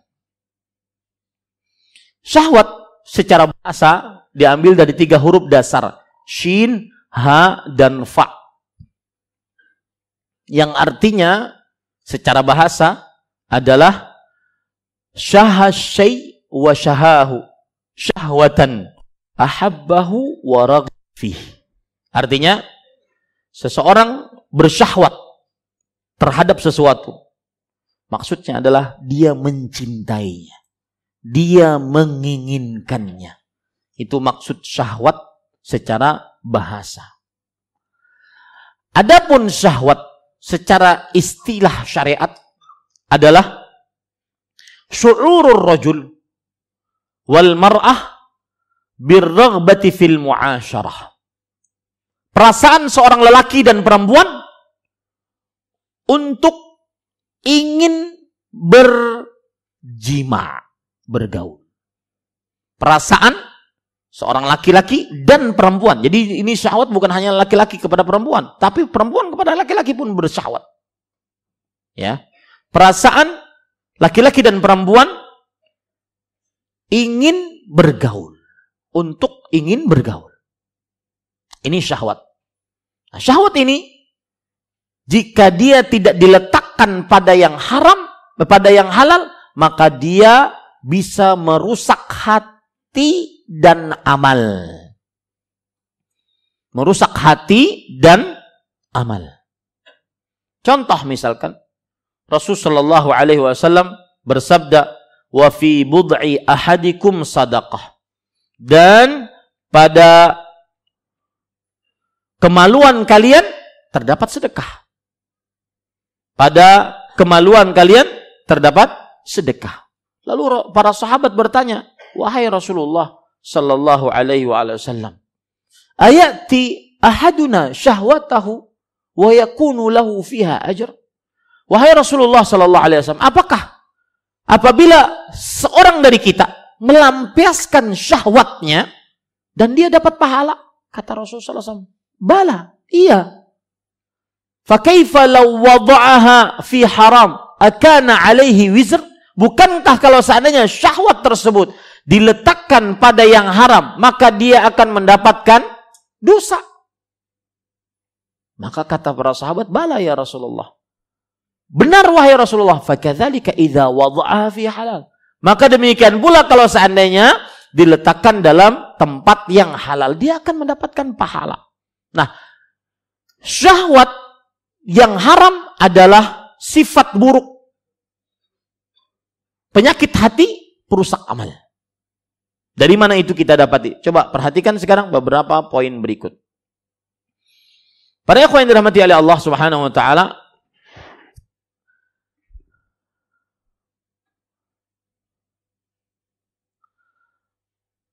Poin pertama, bahwa syahwat merusak hati. Yaitu syahwat adalah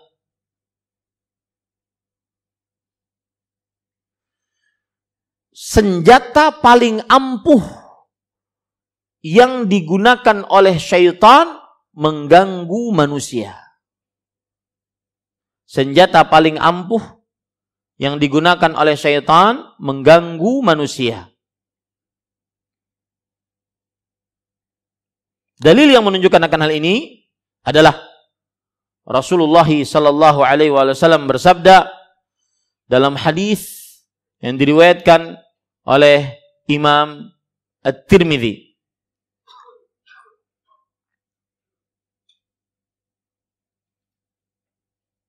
Sebentar yang diriwayatkan oleh Imam Imam Ahmad dan Imam Muslim dan Imam Tirmidzi betul. Saya khawatir salah. Rasulullah SAW bersabda, lihat, innal mar'ah tuqbilu fi surati syaitan wa tudbiru fi surati syaitan. Perempuan jika dilihat dari depan dia dalam bentuk setan. Bentar Bu, jangan protes dulu Bu. Dan jika dilihat dari belakang, dia dalam bentuk setan. Apa maksudnya? Lihat, dijelaskan oleh para ulama, di antaranya Imam An-Nawawi rahimahullahu taala di dalam kitab beliau Al-Minhaj eh, Syarh Nawawi ala Sahih Muslim. Beliau menjelaskan.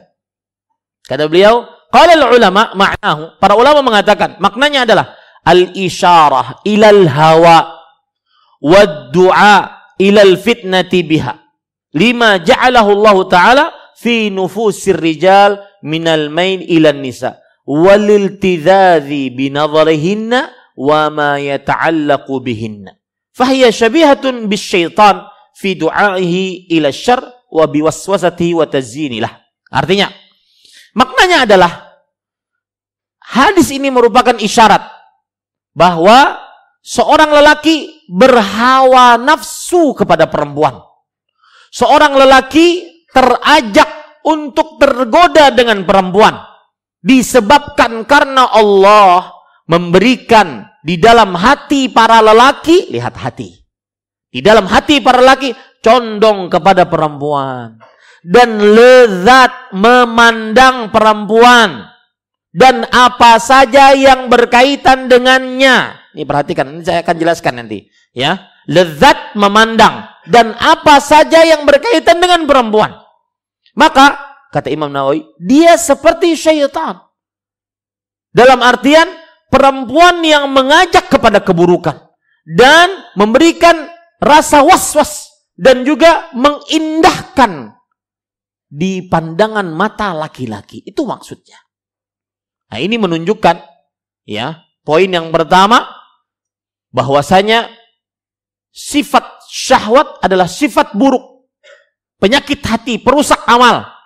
Karena syahwat haram kepada perempuan adalah senjata paling paling berbahaya yang dimiliki oleh syaitan. Ya, paling berbahaya yang dimiliki oleh syaitan. Saya ingin mengupas kata-kata tadi, lezat memandangnya. Ini hati-hati para ikhwan yang dirahmati Allah. Saya sering mengatakan, jenggot panjangmu bukan jaminan kamu selamat dari bermaksiat melihat hal-hal yang diharamkan saat sendirian. Bukan jaminan. Bahkan yang lebih parah, orang yang mungkin sudah beristri. Yang lebih parah lagi, istrinya tidur di sampingnya. Tapi wajahnya bersinar. Handphone. Ya. ya. Istrinya yang dia bisa apakan dari ujung rambut sampai ujung kaki dibiarkan. Dia sibuk dengan murojaah Facebook hal-hal yang diharamkan.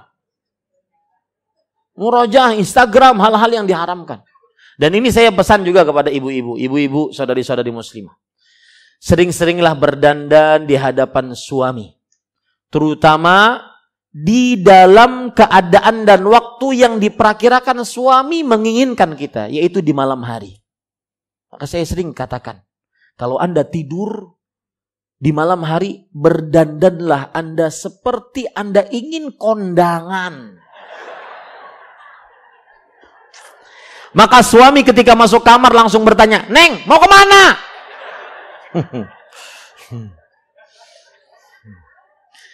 Karena dia nggak biasa.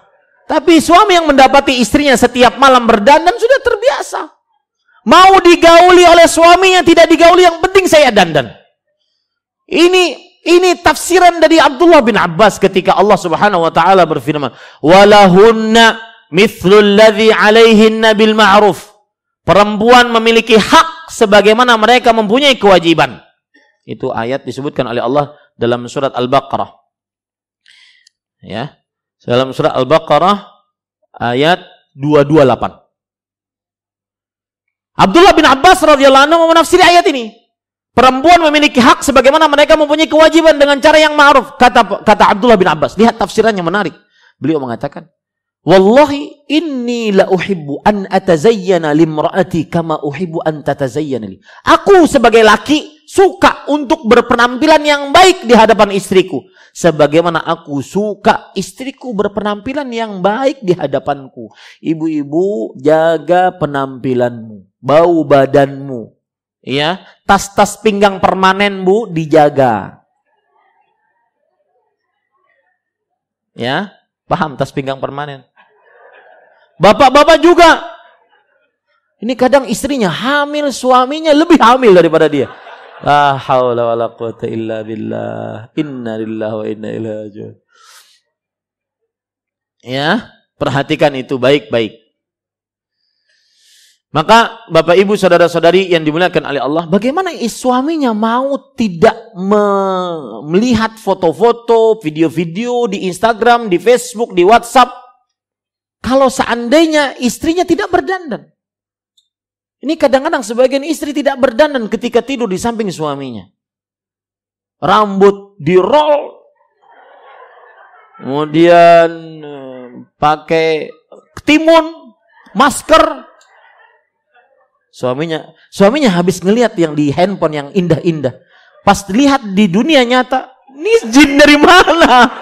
La wala quwata illa billah. Ya, ini bukan pengalaman, Bu. Karena saya mendengar pengalaman katanya. Taib. Nah, itu maksudnya bahwa syahwat merusak hati dan akhirnya merusak amal. Kenapa? Karena para laki-laki akhirnya sukanya itu memang laki-laki itu lezat melihat, memandang. Padahal cuma memandang. Dan itu disebutkan oleh Allah Subhanahu wa taala dalam Al-Qur'an. Allah Subhanahu wa taala berfirman di dalam Al-Qur'an surat uh, wa khuliqal insanu dha'ifa dan manusia diciptakan oleh Allah Subhanahu wa taala dalam keadaan lemah.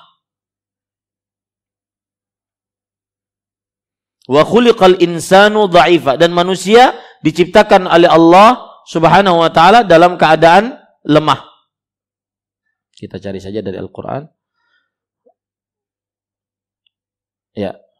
Itu disebutkan dalam surah An-Nisa ayat 28. Sufyan ibn Masruk al-Thawri rahimahullah ketika menafsiri ayat ini apa maksudnya kata beliau? Perhatikan, beliau mengatakan Tamurul mar'atu baina yaday rajul fala yastatu illa an-nadharu ilaiha wala yantafi'u biha.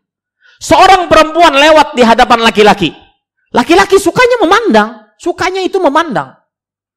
Meskipun istilah kata kalau seandainya dia baru nikah nih, istrinya cantik, ya di hada, apa dia gandeng di pusat perbelanjaan. Tapi ada yang bening dia suka mandang.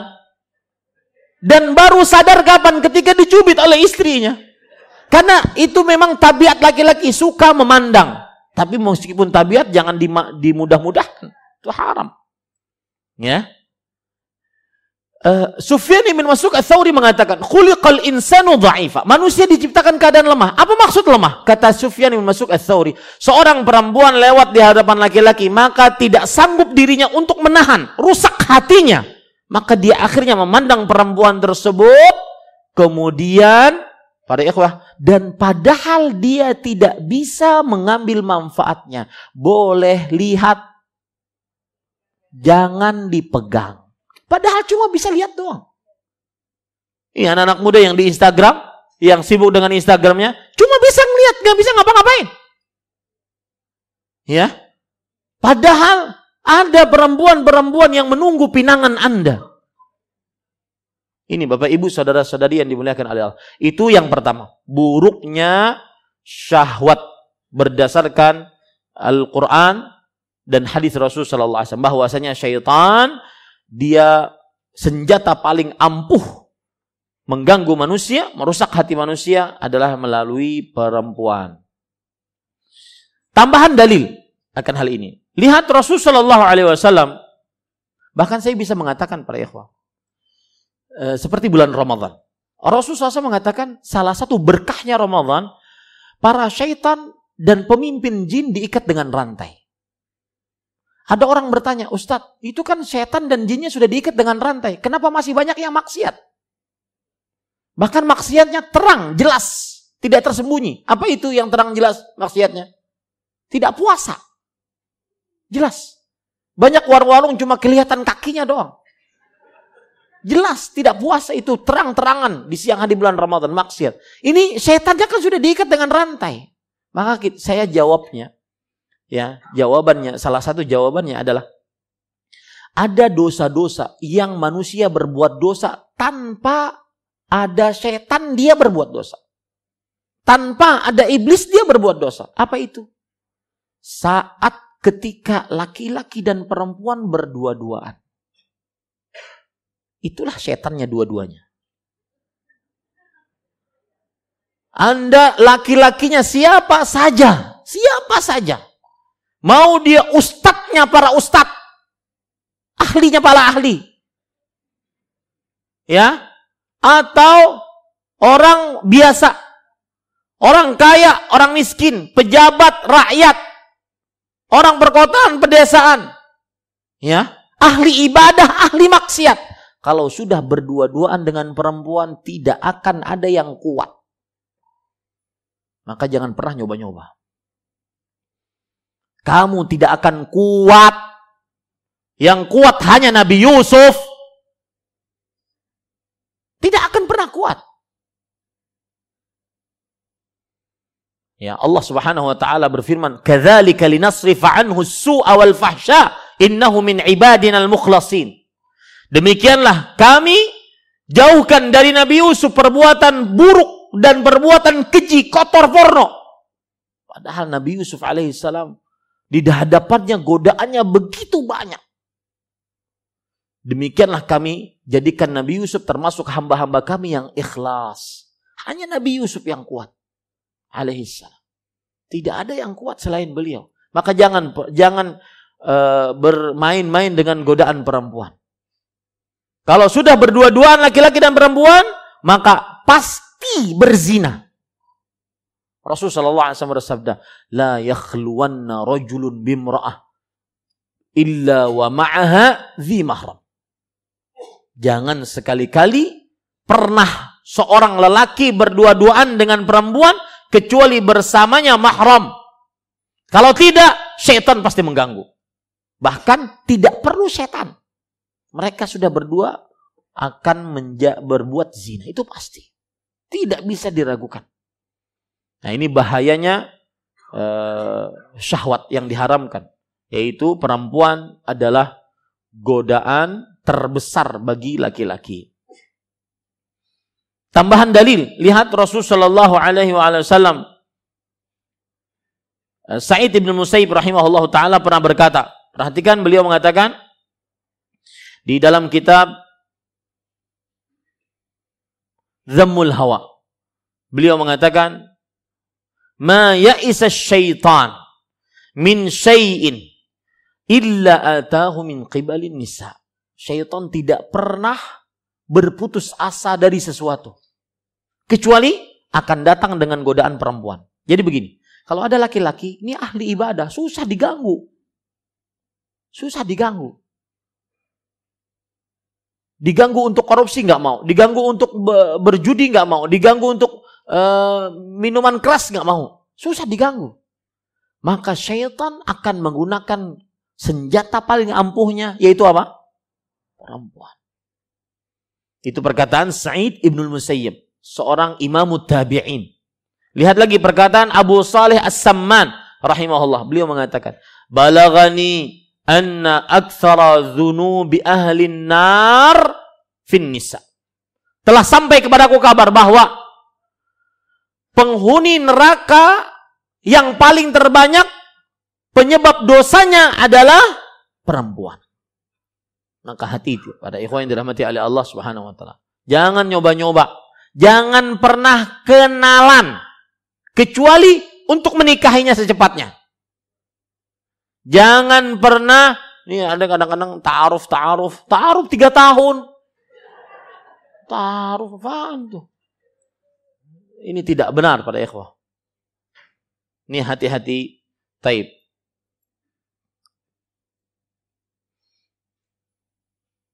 Kemudian, buruknya syahwat perusak hati. Yang kedua,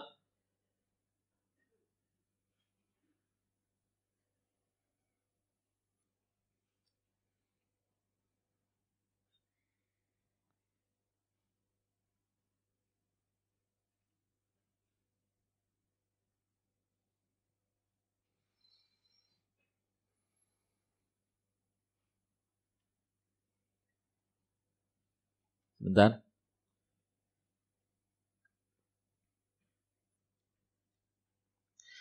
Akan tersebar perbuatan zina. Buruknya syahwat, perusak hati. Yang kedua, ya, akan tersebar perbuatan zina. Dan ini merusak hati. Rasulullah Shallallahu Alaihi Wasallam dan kalau sudah tersebar perbuatan zina, maka yang akan ada adalah bala dan musibah.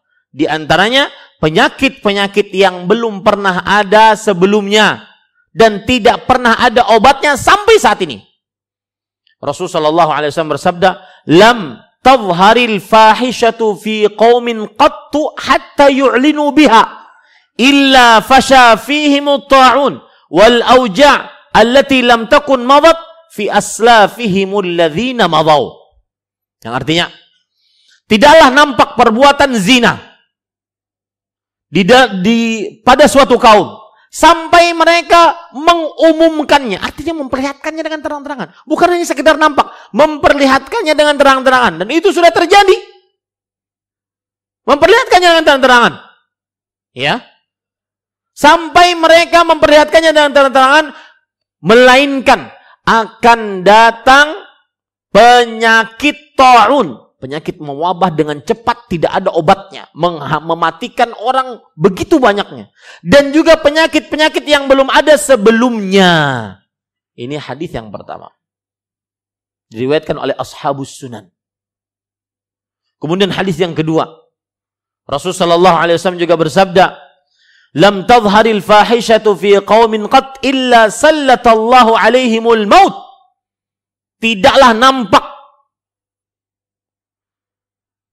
perbuatan zina di satu kaum kecuali Allah Subhanahu wa taala akan menghancurkan memberikan kepada mereka kehancuran, kematian, musibah merata.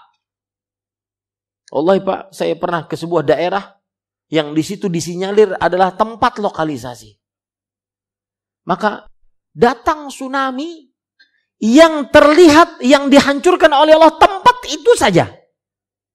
Selainnya Makanya ada orang para relawan waktu itu berkata kepada saya, Ustadz, ini gempa dan tsunami-nya aneh. Milih-milih. Yang dihancurkan rumahnya milih-milih. Ini hancur sebelahnya enggak, ini hancur sebelahnya enggak. Dan tempat lokalisasi tersebut dihancurkan oleh Allah. Rata. Itulah tempatnya. Yang lainnya selamat. Ini subhanallah. Benar sabda Rasul. Illa sallatallahu azza wa jalla alaihimul maut. Kecuali Allah Subhanahu wa taala akan timpakan kepada mereka kebinasaan, kehancuran. Maka hati-hati, ini buruknya syahwat yang kedua. Akan tersebar perbuatan zina dan jika tersebar perbuatan zina maka akan terdapat musibah-musibah yang merata. Taib. Yang ketiga, buruknya perbuatan uh, syahwat yang merusak hati pada ikhwan yang dirahmati oleh Allah Subhanahu wa taala yaitu akan terputusnya keturunan.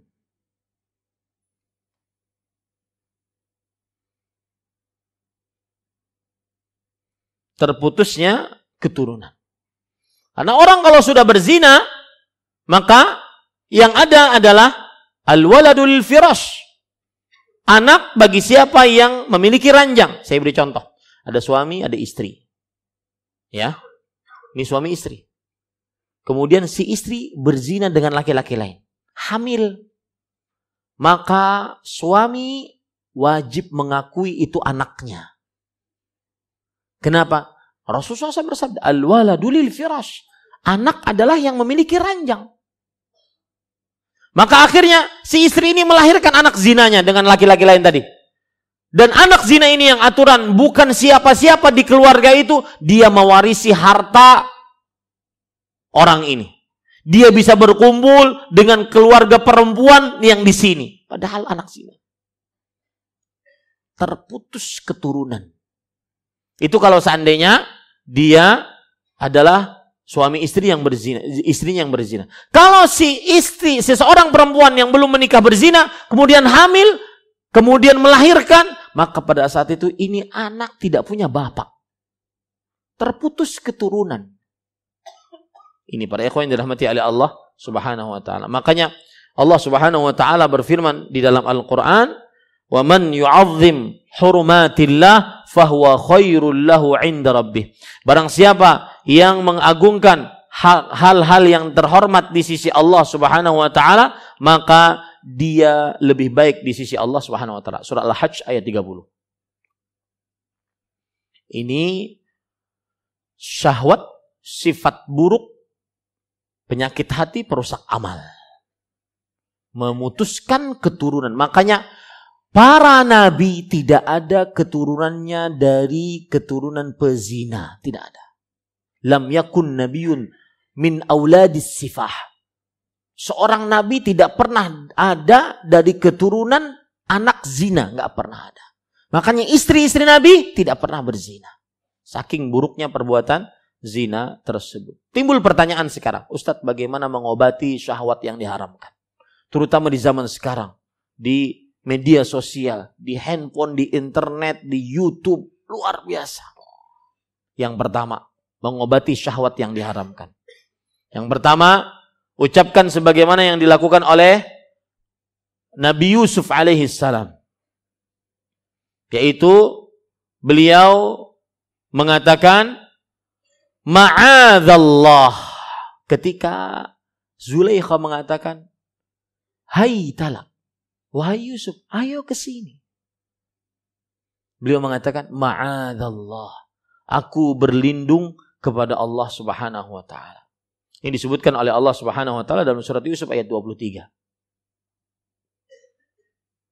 وراودته التي هو في بيت عن نفسه وغلقت الأبواب وقالت هيت لك قال معاذ الله إنه ربي أحسن مثواي إنه لا يفلح الظالمون walaqad hammat bihi wa hamma biha laula arra'a burhana rabbih. Kadzalika linasrifa anhu su'a wal fahsya. Innahu min ibadinal mukhlasin. Yang artinya eh, Allah Subhanahu wa taala berfirman di dalam surat Yusuf ayat 23 24 dan wanita tersebut yaitu Zulaikha yang Yusuf tinggal di rumahnya menggoda Yusuf untuk menundukkan dirinya kepadanya. Dan dia menutup pintu-pintu seraya berkata, "Marilah ke sini wahai Yusuf." Yusuf alaihi salam berkata, "Aku berlindung kepada Allah. Sungguh Tuanku telah memperlakukanku dengan baik. Sesungguhnya orang-orang yang zalim tidak akan beruntung. Sesungguhnya wanita itu telah bermaksud melakukan perbuatan itu kepada Yusuf. Dan Yusuf pun alaihissalam bermaksud pula melakukan perbuatan itu kepada wanita tersebut. Andai kata dia tidak melihat tanda di Robnya, lihat. Nabi Yusuf hampir melakukan. Memang ada tafsiran beberapa tafsiran dari para ulama rahimahumullah taala. Di sini saya ingin kita mengambil bagaimana menahan syahwat yang haram dari cerita Nabi Yusuf. Yang pertama tadi apa? Minta perlindungan dengan siapa? Allah. A'udzubillah minasyaitonir rajim. Sering-sering berdoa a'udzubillah minasyaitonir rajim. Ya, sering-sering berdoa. Ini satu. Berdoa minta perlindungan. Yang kedua, para ikhwan yang dirahmati oleh Allah. yaitu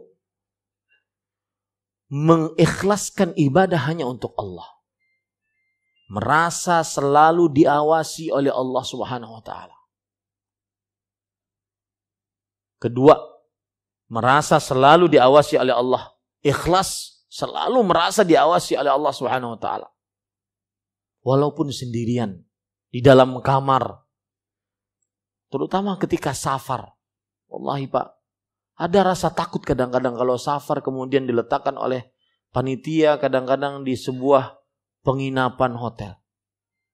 Ketika ada Assalamualaikum, pijit kah pak?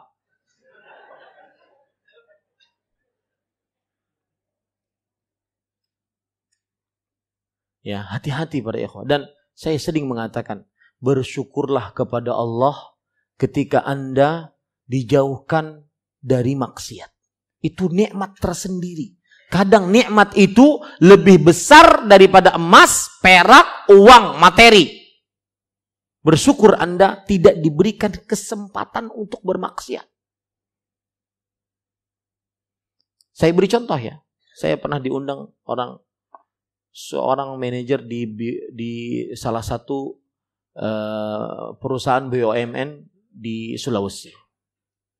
Kemudian beliau ngajak saya makan setelah kajian. Lalu saya bertanya, Pak, sejenis Bapak begini, sebegini pangkat Bapak, banyak nggak godaannya? Oh banyak Ustaz. Yang Ustaz kesebutan kajian tadi, tahta, harta, wanita, tiga-tiganya sekaligus pernah ada di hadapan saya. Ada seorang perempuan cantik luar biasa dengan pakaian serba minim. Setengah lengan, setengah dada, setengah paha, Satu godanya wanita. Kemudian dia menyodorkan amplop eh, apa? amplop segepok uang. Kemudian menyodorkan surat.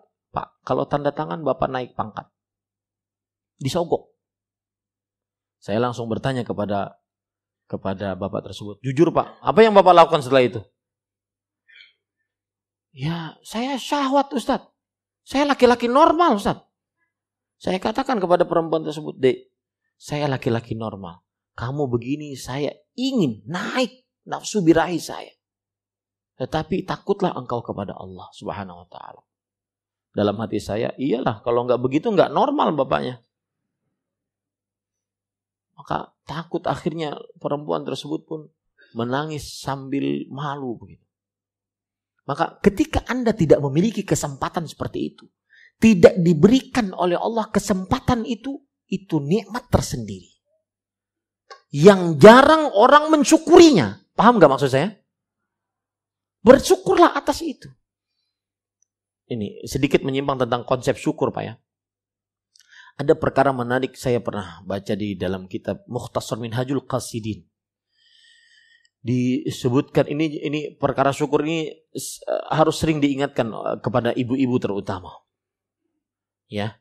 Salah satu hal yang menarik tentang konsep syukur, sebagian orang hanya bersyukur saat mendapat nikmat yang khusus. Saat mendapat nikmat yang umum, hampir semua dapat tidak bersyukur. Saya beri contoh, nafas. Pernah kita bersyukur atas nafas? Tidak. Kenapa? Karena semua dari kita bernafas. Kapan seseorang bisa bersyukur atas nafasnya? Ketika dia susah bernafas. Artinya dia dapat yang khusus. Begitu juga motor, mobil. Kapan orang bersyukur ketika mendapat motor, mobil? Tidak bersyukur. Karena ya biasa semuanya orang sudah punya motor, semuanya orang sudah punya mobil. Tapi kapan punya bersyukur ketika mendapatkan motor? Ketika mendapat motor besar, khusus. Makanya pun gayanya pun motor besar, khusus. Ini sebagian manusia bersyukur hanya saat dapat nikmat khusus. Istri misalkan. Sebagian orang bersyukur, uh, kurang bersyukur ketika dapat istri. Satu.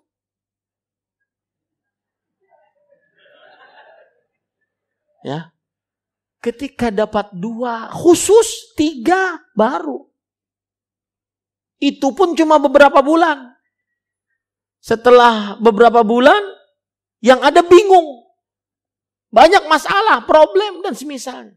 Ini maksud saya. Sebagian orang kadang-kadang bersyukur hanya saat dapat nikmat khusus. Sedangkan nikmat umum dia tidak syukuri. Nah, Cara yang kedua yaitu selalu muraqabah merasa diawasi oleh Allah Subhanahu wa taala agar terhindar dari syahwat yang diharamkan. Cara yang ketiga, para ikhwan yang dirahmati oleh Allah, berdoa kepada Allah. Terutama ini anak-anak muda dan bapak-bapak, ibu-ibu yang punya anak-anak muda. Yang di zaman sekarang dekadensi moral terutama tentang kesucian perempuan sudah biasa. Seorang perempuan sudah tidak virgin, tidak perawan lagi sudah dianggap biasa. Ini ini parah kesalahan paling parah. Itu tidak biasa dan itu haram dosa besar. Ya, dosa besar. Imannya diangkat di atas kepalanya, tidak akan kembali kecuali sesuai setelah dia bertobat kepada Allah. Baru imannya kembali. Yang berzina seperti itu hadisnya. Idza zana al-'abdu kharaja minhu al-iman ka'annahu kadzullah. Jika seorang hamba berzina, maka imannya keluar dari dirinya Seakan-akan ada di atas kepalanya.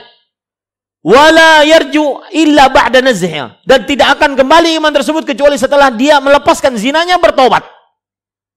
Ini sebagian anak perempuan.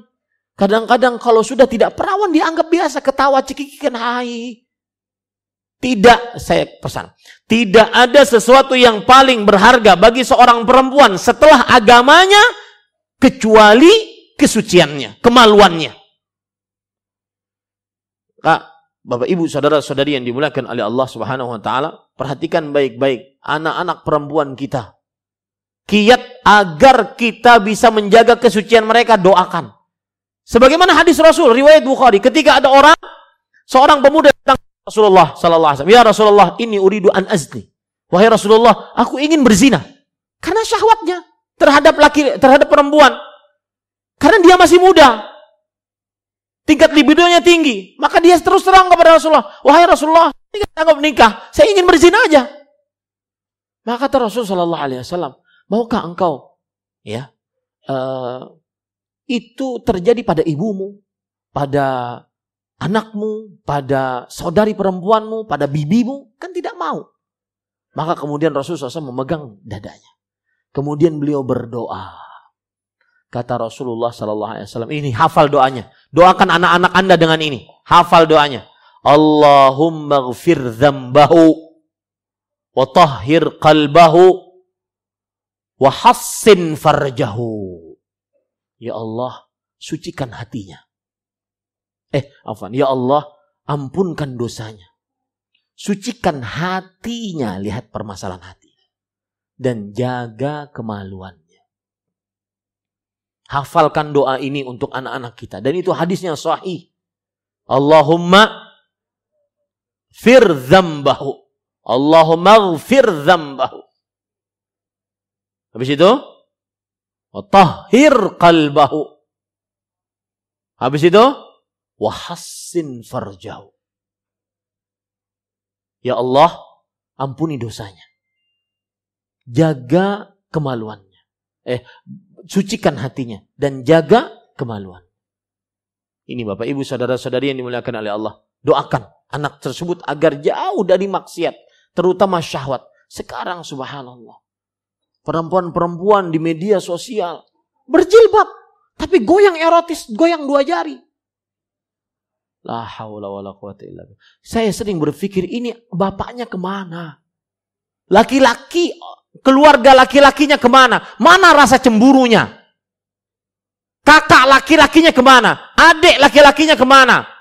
Pamannya ke mana itu? Mana rasa cemburunya? Di zaman sahabat Rasul Sallallahu Alaihi Wasallam, para perempuan di jalan di pasar Madinah ber, uh, berdesak-desakan dengan laki-laki. Ali bin Abi Thalib mengatakan, Aina ulama hukum? Mana tak ulama-ulama kalian wahai penduduk kota Madinah? Ala tagarun, ama tastahun. Mana ulama-ulama kalian wahai penduduk kota Madinah? Apakah kalian tidak cemburu? Apakah kalian tidak malu melihat perempuan ber, berdesak-desakan dengan lelaki padahal itu di pasar. Yang mungkin ada dalam tanda kutip kewajaran. Maka hati-hati jaga anak perempuan kita. Dan saya berpesan kepada para orang tua ya untuk syahwat yang diharamkan ini ketahui baik-baik. Kamu wahai para orang tua akan ditanya oleh Allah apa yang sudah engkau didikkan terhadap anak-anakmu. Sebelum anak-anakmu ditanya tentang baktinya kepadamu Paham maksud saya nggak? Orang tua ditanya oleh Allah tentang sikapnya, didikannya terhadap anaknya. Sebelum anaknya ditanya tentang baktinya kepada orang tuanya. Dalilnya apa? Dan ini perkataan Imam Luqayyim rahimahullah di dalam kitab Tuhfatul Maulud. Beliau uh, Allah Subhanahu Rasul sallallahu alaihi wasallam bersabda, "Kullukum ra'in wa kullukum mas'ulun an ra'iyati. Ar-rajulu ra'in ala ahli baiti wa mas'ulun anhum. Setiap dari kalian pemimpin dan setiap dari kalian adalah orang yang bertanggung jawab atas dipimpinnya. Lelaki pemimpin atas per, atas keluarganya dan bertanggung jawab atas anak istrinya. Orang tua bertanggung jawab dulu terhadap orang anak-anaknya. Maka doakan anak-anak kita dengan doa itu dan doa itu itu jujur saya saya dapatkan dari penggalan ceramah dari Syekh Abdul Razak. Beliau sampai menangis men menyebutkan ini. Mungkin saya mengira menangisnya beliau itu melihat di zaman sekarang sangat mengerikan. Anak-anak perempuan menjual sesuatu yang paling berharga dalam dirinya, kemolekan tubuhnya, kesucian, kemaluannya. Sekarang konten-konten di video-video di media sosial dengan mudahnya berbicara tentang kemaluan, tentang hubungan badan, Disebar begitu. Ini masuk ke, ini jangan hati-hati para ikhwan. Saya ingin mengingatkan. Ini masuk ke dalam ayat Al-Quran. Innal ladhina yuhibbuna an tashi'al fahishatu fil ladhina amanu lahum azabun alimun fid dunya wal akhirah. Orang-orang yang ingin tersebar perbuatan fahishah di tengah orang-orang beriman. Bagi mereka siksa yang pedih di dunia dan di akhirat. Siapa yang ingin tersebar perbuatan keji kotor porno termasuk konten-konten video yang di dalamnya ada wawancara. Apa menurutmu bagian yang basah? Apa menurutmu ini yang kotor-kotor? Disebar, ditonton jutaan orang. Ini termasuk di dalam, termasuk di dalamnya, perhatikan nih. Kadang-kadang kita tertipu dengan pakaian, dengan framing, termasuk di dalamnya. Suami, istri, istrinya bercadar, suaminya jenggotan, buat video. Videonya lagi main bola, lari-larian. Membuat jomblo-jomblo semakin ngenes. Lihat para jomblo, alangkah indahnya. Mungkin niatnya baik, caranya salah. Dan itu dosa besar. Ingat itu. Itu dosa besar. Membuat video-video kemesraan antara suami istri disebarkan di, di media sosial. Itu dosa besar. Rasulullah SAW bersabda dalam dalam riwayat Ashabus Sunan. Kata Rasulullah SAW. La'allakum, la'alla ahadakum tukhbiru bima fa'ala bi ahli. Mungkin salah seorang di antara kalian menceritakan apa yang dia kerjakan dengan istrinya di atas ranjang. Begitu juga mungkin salah seorang dari kalian, wahai para istri, menceritakan dengan kawan-kawannya apa yang terjadi dengan suaminya di atas ranjang. Maka ada seorang sahabat Rasul Shallallahu Wasallam, saya bacakan saja hadisnya biar enak ya, sehingga masuk ke dalam hati. Saya yakin sekali wahyu itu langsung masuk ke dalam hati Rasulullah Shallallahu Wasallam. Sebentar.